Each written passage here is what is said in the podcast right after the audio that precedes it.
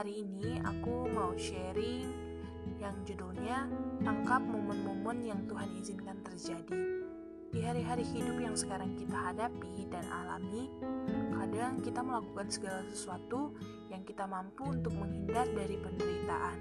Kemudian ketika kita mendapati diri sedang berduka cita, kita melakukan segala sesuatu yang kita mampu untuk terlepas darinya.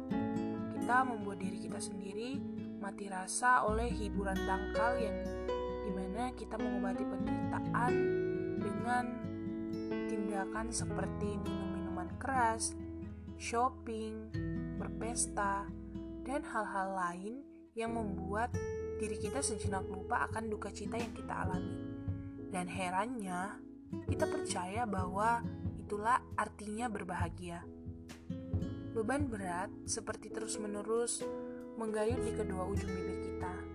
Kita memang akan mengalami penderitaan seperti ada tertulis dalam Ibrani 2 ayat 10. Sebab memang sesuai dengan keadaan Allah yang baginya dan olehnya segala sesuatu dijadikan, yaitu Allah yang membawa banyak orang kepada kemuliaan, juga menyempurnakan Yesus yang memimpin mereka kepada keselamatan dengan penderitaan.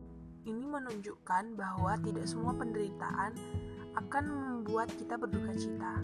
Sebab justru di balik penderitaan sebenarnya ada berkat yang Tuhan titipkan untuk kita perlu terus belajar untuk menaklukkan diri sendiri dan selalu bergantung kepada Allah sebagaimana yang telah digambarkan oleh Rasul Paulus bahwa tidak ada satupun hal yang dilemparkan hidup kepada kita yang tidak bisa diubah Allah menjadi sesuatu yang membawa kita semakin dekat padanya.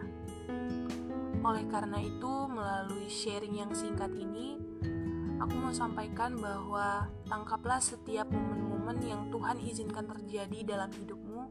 Jangan lihat seberapa besar penderitaan yang kamu alami, tetapi lihatlah seberapa besar dan seberapa indah pesan Tuhan yang hendak disampaikan kepada kamu.